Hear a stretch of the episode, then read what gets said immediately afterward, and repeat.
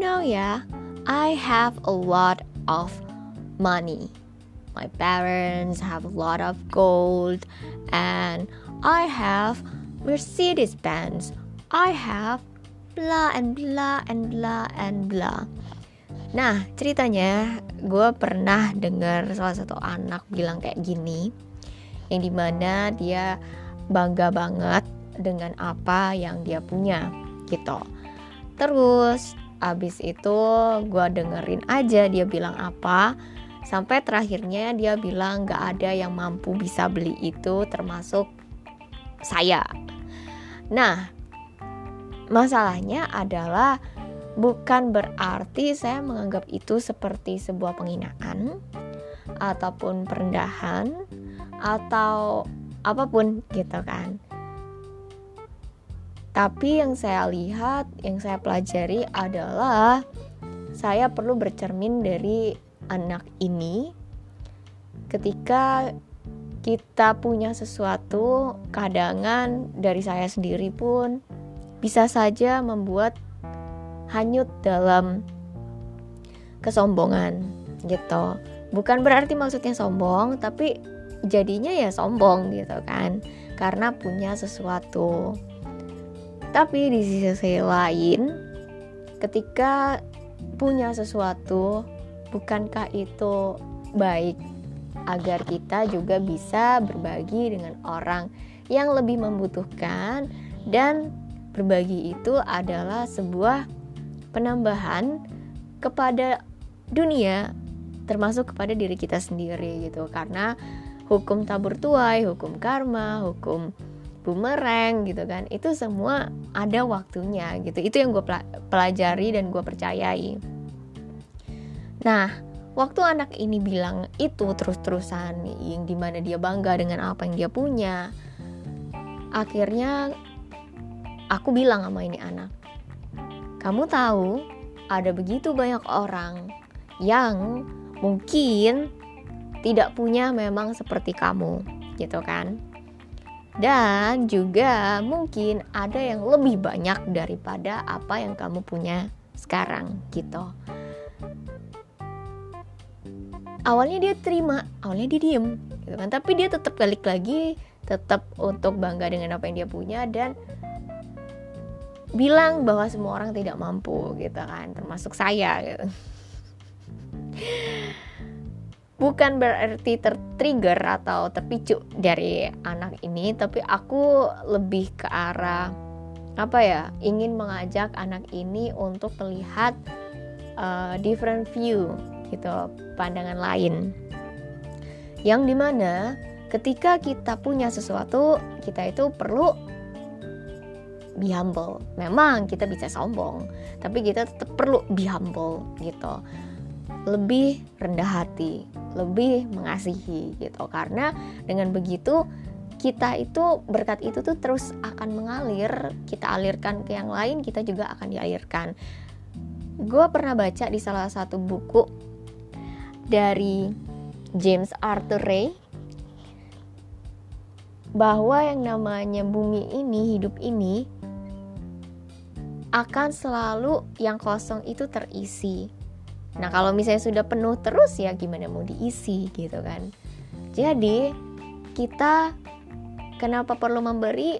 Karena kita perlu mengosongkan tempat untuk diisi. Semua yang kosong itu pasti akan terisi gitu. Percaya nggak percaya ya?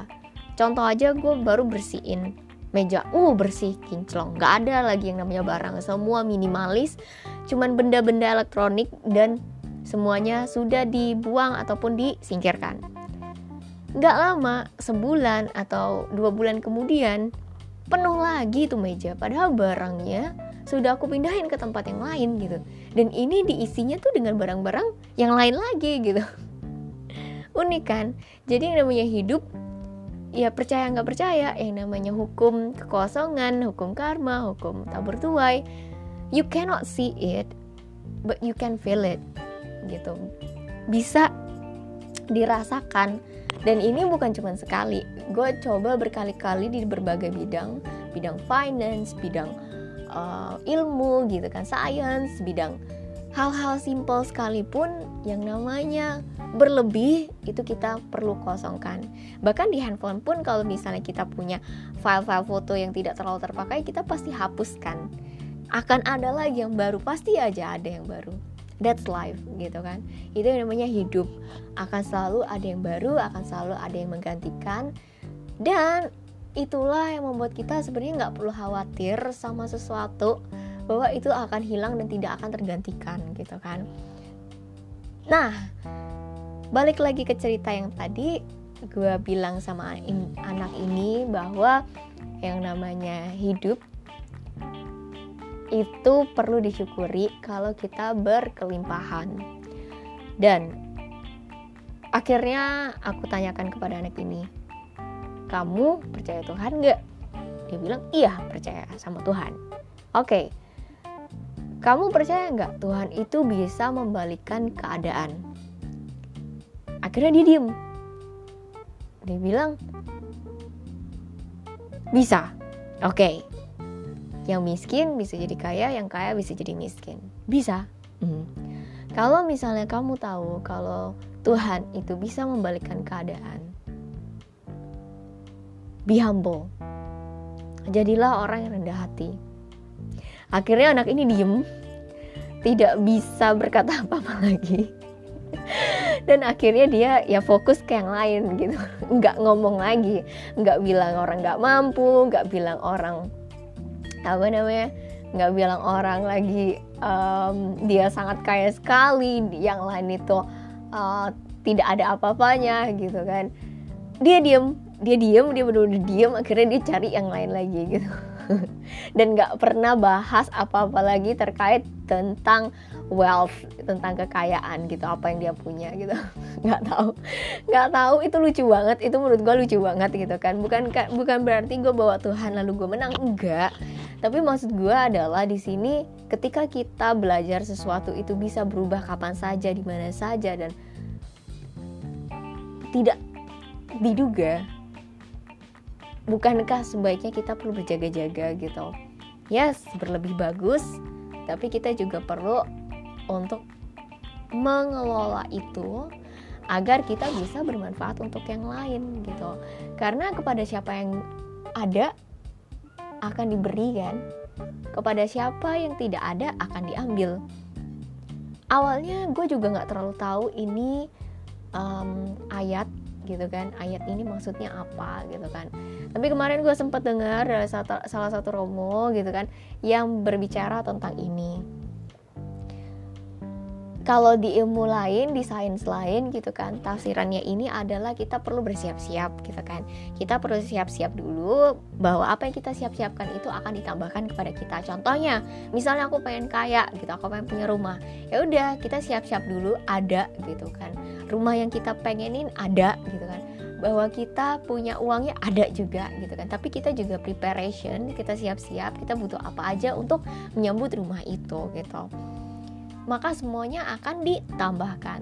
Nah, tapi kalau pembahasan room kemarin gitu bahwa semua yang ada akan ditambahkan itu maksudnya adalah kasih cinta kasih daripada kita kepada Tuhan dan cinta kita kepada sesama ketika kita memiliki kasih maka semuanya akan ditambahkan. Menurut gue ini bener banget juga gitu. Ini bener bener banget bahkan. Ketika kita memiliki kasih semuanya akan ditambahkan. Ketika kita tidak memiliki kasih semuanya akan diambil. Maksudnya adalah semua yang baik semua yang benar itu pasti akan ada jalannya. Tapi semua yang tidak baik semua yang tidak benar mau jalan sesempit apa pun itu pasti aja ada halangannya gitu. Dan kenapa topik hari ini adalah tentang be humble? Kita perlu merendahkan hati kita bukan merendahkan diri ya merendahkan hati kita merendahkan diri hanya kepada Tuhan gitu kan. Karena kita tahu kita ini makhluk terbatas tapi kita perlu merendahkan hati kepada sesama kepada orang yang mungkin lebih kurang daripada kita dan mungkin kepada orang yang di atas kita. Ketika ada orang di atas kita ya kita biasa aja, jangan menganggap mereka terlalu tinggi gitu. Kenapa? Karena life is just unpredictable hidup itu seperti tidak terduga oke okay, kita boleh segan sama orang gitu kan ya terutama mereka punya kekuatan kekayaan gitu kan. Tapi kita jangan lupa semua itu datangnya daripada Tuhan daripada Allah kita. Orang yang sangat kaya sekali itu bisa jadi orang yang tidak punya apa-apa. Orang yang tidak punya apa-apa bisa jadi orang kaya gitu kan. Mungkin teman-teman ngedengerin ini kayak Allah itu mah cerita basi orang orang miskin jadi kaya gitu. But it's a real thing. Itu bener-bener terjadi gitu loh. Bahkan di dalam kehidupan gue sendiri I can see that itu bener-bener terjadi gitu. Jadi ya jangan menyepelekan hal yang menurut kalian mungkin ah nggak mungkin. Atau mungkin iya itu kan ini tapi ternyataannya kan belum tentu kayak gitu. Mungkin ya mungkin. Maksud aku bukan mengajak teman-teman ini menganggap aku bener banget enggak tapi lebih kepada melihat sesuatu secara faktanya secara objektif gitu bukan secara subjektif. Bahwa ya memang benar Tuhan itu bisa mengubah segala sesuatu. Kenapa kita perlu be humble? Kenapa kita perlu lebih dekat sama Tuhan kenapa kita perlu melihat segala sesuatu itu dari segi perspektif kasih? Karena kita tidak mau agar diri kita itu tuh menjadi sombong atau menjadi merendahkan orang lain atau menjadi kayak menyepelekan hal kecil gitu kan. Kalau misalnya kita menyepelekan masalah karena kita punya Tuhan yang besar itu boleh. Menurut gue boleh banget bahkan jadi kita nggak depresi ke, sama kekuatan kita yang lemah gitu. Tapi kalau kita menyepelekan hal-hal untuk menghargai untuk memberikan manfaat kepada orang lain untuk menjadi berguna itu menurut gue sangat tidak wajar. Karena ketika kita menyepelekan hak orang lain menyepelekan untuk memberikan manfaat pada orang lain itu kita menyepelekan hal yang namanya kebaikan gitu. Tapi kalau misalnya masalah kita apa yang mau dibesar-besarkan. Jadi kita kalau misalnya menyepelekan sepelekanlah masalah dan perbesarlah kepercayaan kita kepada Tuhan. Tapi kalau misalnya untuk kebaikan orang lain sepelekanlah yang namanya hal-hal yang tidak penting. Hal-hal seperti keuntungan kita apa lalu tenaga kita itu diperhitungkan sebagaimana rupanya kah gitu kan. Karena dengan begitu kita belajar untuk menjadi seorang murid murid Tuhan yang percaya bahwa segala sesuatu itu akan ditambahkan gitu. Serve the world eh, layanilah dunia karena Tuhan pun datang ke dunia untuk melayani bukan untuk dilayani gitu be humble. Ini penting banget. Dan juga kita perlu menambah kasih kita kepada Tuhan dan pada sesama. Karena kepada siapa yang mempunyai kasih semuanya akan diberikan maka akan ditambahkan. Kepada siapa yang tidak punya kasih maka semuanya akan diambil. Gitu. Semuanya akan dikurangi Nah, kemarin Romo itu ada kasih dua contoh. Yang pertama tentang pelayanan dan yang kedua itu tentang karakter gitu. Jadi yang pertama pelayanan, yang kedua tentang karakter. Yang pertama tentang pelayanan itu, jadi ada seorang petinggi, petinggi dia ini adalah manajer bank dan dia ditunjuk untuk menjadi ketua lingkungan gitu. Dan dia tuh ngerasa keberatan banget. Habis itu uh, dia komplain lah intinya sama Romo. Dia bilang uh, saya tuh melayani orang-orang itu cuman ada empat karakter Romo. Satu bawel. Dua bawel sekali. Tiga sangat bawel sekali. Empat agak bawel. Jadi keempat empatnya itu ya semuanya bawel gitu sedangkan dia itu nggak kuat gitu. Dia depresi stres gitu. Belum lagi kan kerjaan belum lagi ini gitu. Jadi kayak stres aja gitu. Jadi kayak gimana ya ngerasa kurang kurang apa kurang kurang cocok lah gitu. Dia pengen mengundurkan diri dan dia minta sama romonya biar dia out gitu. Dia nggak mau lagi dipilih lagi gitu. Cukup bahkan kalau bisa keluar keluar gitu kan. Nah akhirnya Romonya bilang udah nggak apa-apa pak coba dulu aja. Kan tiga tahun ini nanti tahun depan periode kedua ya udah saya bantu gitu kan. Nah selama tiga tahun itu bapak ini um, apa namanya ditempa orang-orang yang tadinya bawel-bawel bawel-bawel itu. Malah jadi berkat gitu kan. Dia belajar buat apa namanya mendengarkan lebih sabar dan akhirnya ya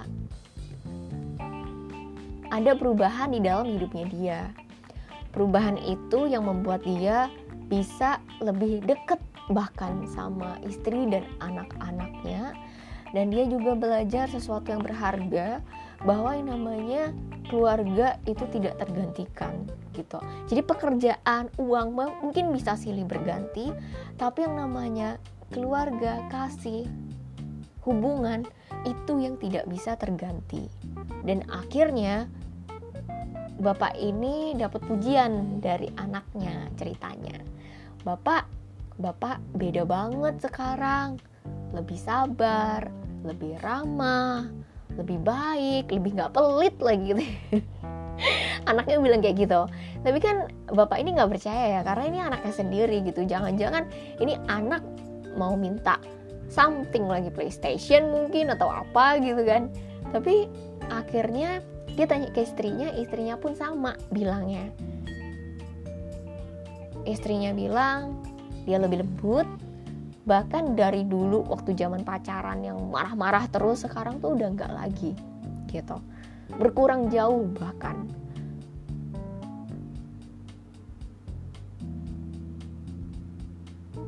Yang di mana juga ketika dia bertemu dengan orang lain dia juga merasakan hal yang sama. Tidak hanya dari keluarganya tetapi juga dari kantornya dari lingkungannya Tiga tahun kemudian dia kembali lagi ke Romo ini dan dia berkata dia siap untuk periode kedua. Bayangkan apa yang kita lihat as a burden, beban.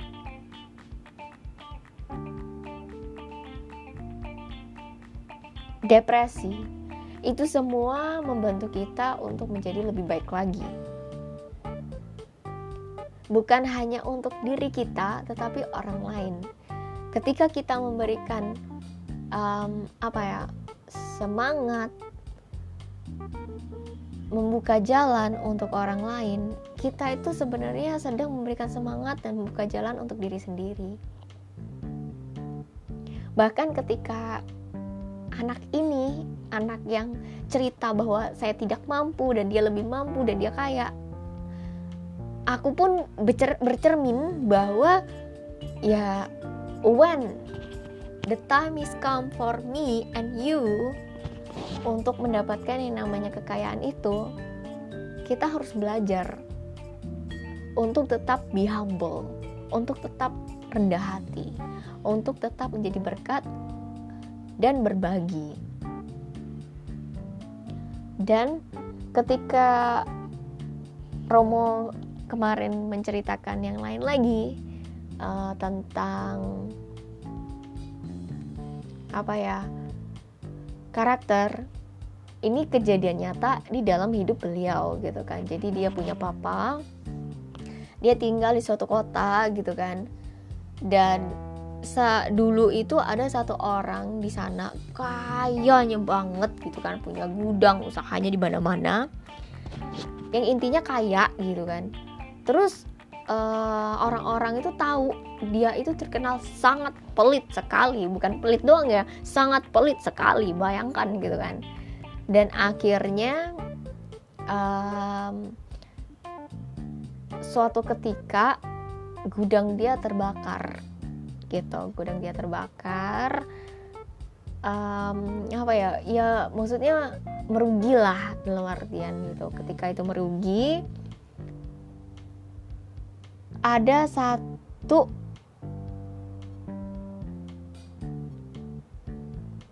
nilai yang diambil bahwa karakter pelit ini tidak menambah sehasta yang namanya kekayaan gitu.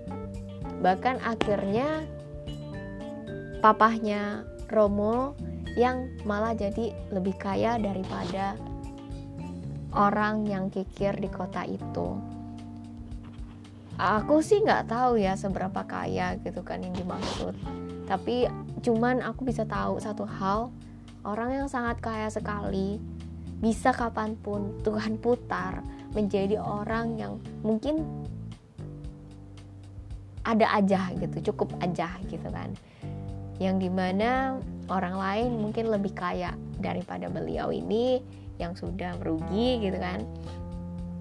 Tapi yang jelas satu hal, segala sesuatu itu pasti berubah. Dunia pasti berubah, masa pasti berubah, umur juga bertambah. Tidak ada yang namanya umur berkurang. Hmm, umur bertambah dalam artian bertambah dewasa dan mengurangi sisa jangka waktu hidup kita di dunia ini gitu kan. Jadi misalnya sudah ditulis 70 tahun atau mungkin 80 tahun gitu kan. Ya kita mengurangi sisa hidup itu gitu dan yang terpenting dari segalanya adalah kita tahu tujuan hidup kita apa kalau misalnya ditanya tujuan hidup saya apa tanyakanlah kepada pencipta karena penciptalah yang mengerti apa fungsi kita diciptakan gitu kan kayak contoh kenapa sih ada mangkok gitu kan? Dulu sebelum ada mangkok mungkin orang-orang bingung ini buat apa gitu. Coba tanyakan kepada yang pembuat mangkok. Yang buat mangkok akhirnya tahu gitu bahwa mangkok itu untuk meletakkan apa namanya makanan yang berkuah atau yang yang butuh tempat air lebih banyak kapasitasnya gitu. Beda sama piring kalau piring kebanyakan kuah jadi meluber gitu kan. Tapi kalau misalnya mangkok dia nggak meluber gitu kan. Jadi punya fungsi yang berbeda. Piring untuk makan kering uh, mangkok untuk makan kuah gitu kan. Jadi fungsinya beda gitu. Bisa nggak ditukar bisa tapi kurang maksimal. Jadi kalau misalnya ditanya purpose-nya apa? Carilah pencipta karena penciptalah yang mengerti untuk apa kita ada di dunia ini. Jangan sedih, jangan khawatir, jangan bingung. Yang perlu kita lakukan adalah tetap melayani Tuhan, melayani dunia dengan talenta dan kapasitas kita. Jadikan dirimu dan diriku bermanfaat untuk orang sekitar dimulai dari dalam keluar bukan dari luar ke dalam gitu kan karena kita perlu membenahi dalam dirinya kita sebelum kita mengeluarkan sesuatu dari dalam dirinya kita semoga podcast kali ini bisa bermanfaat untuk teman-teman sekalian. Thank you so much for listening and I hope you have a great day. Don't forget to subscribe and share and see ya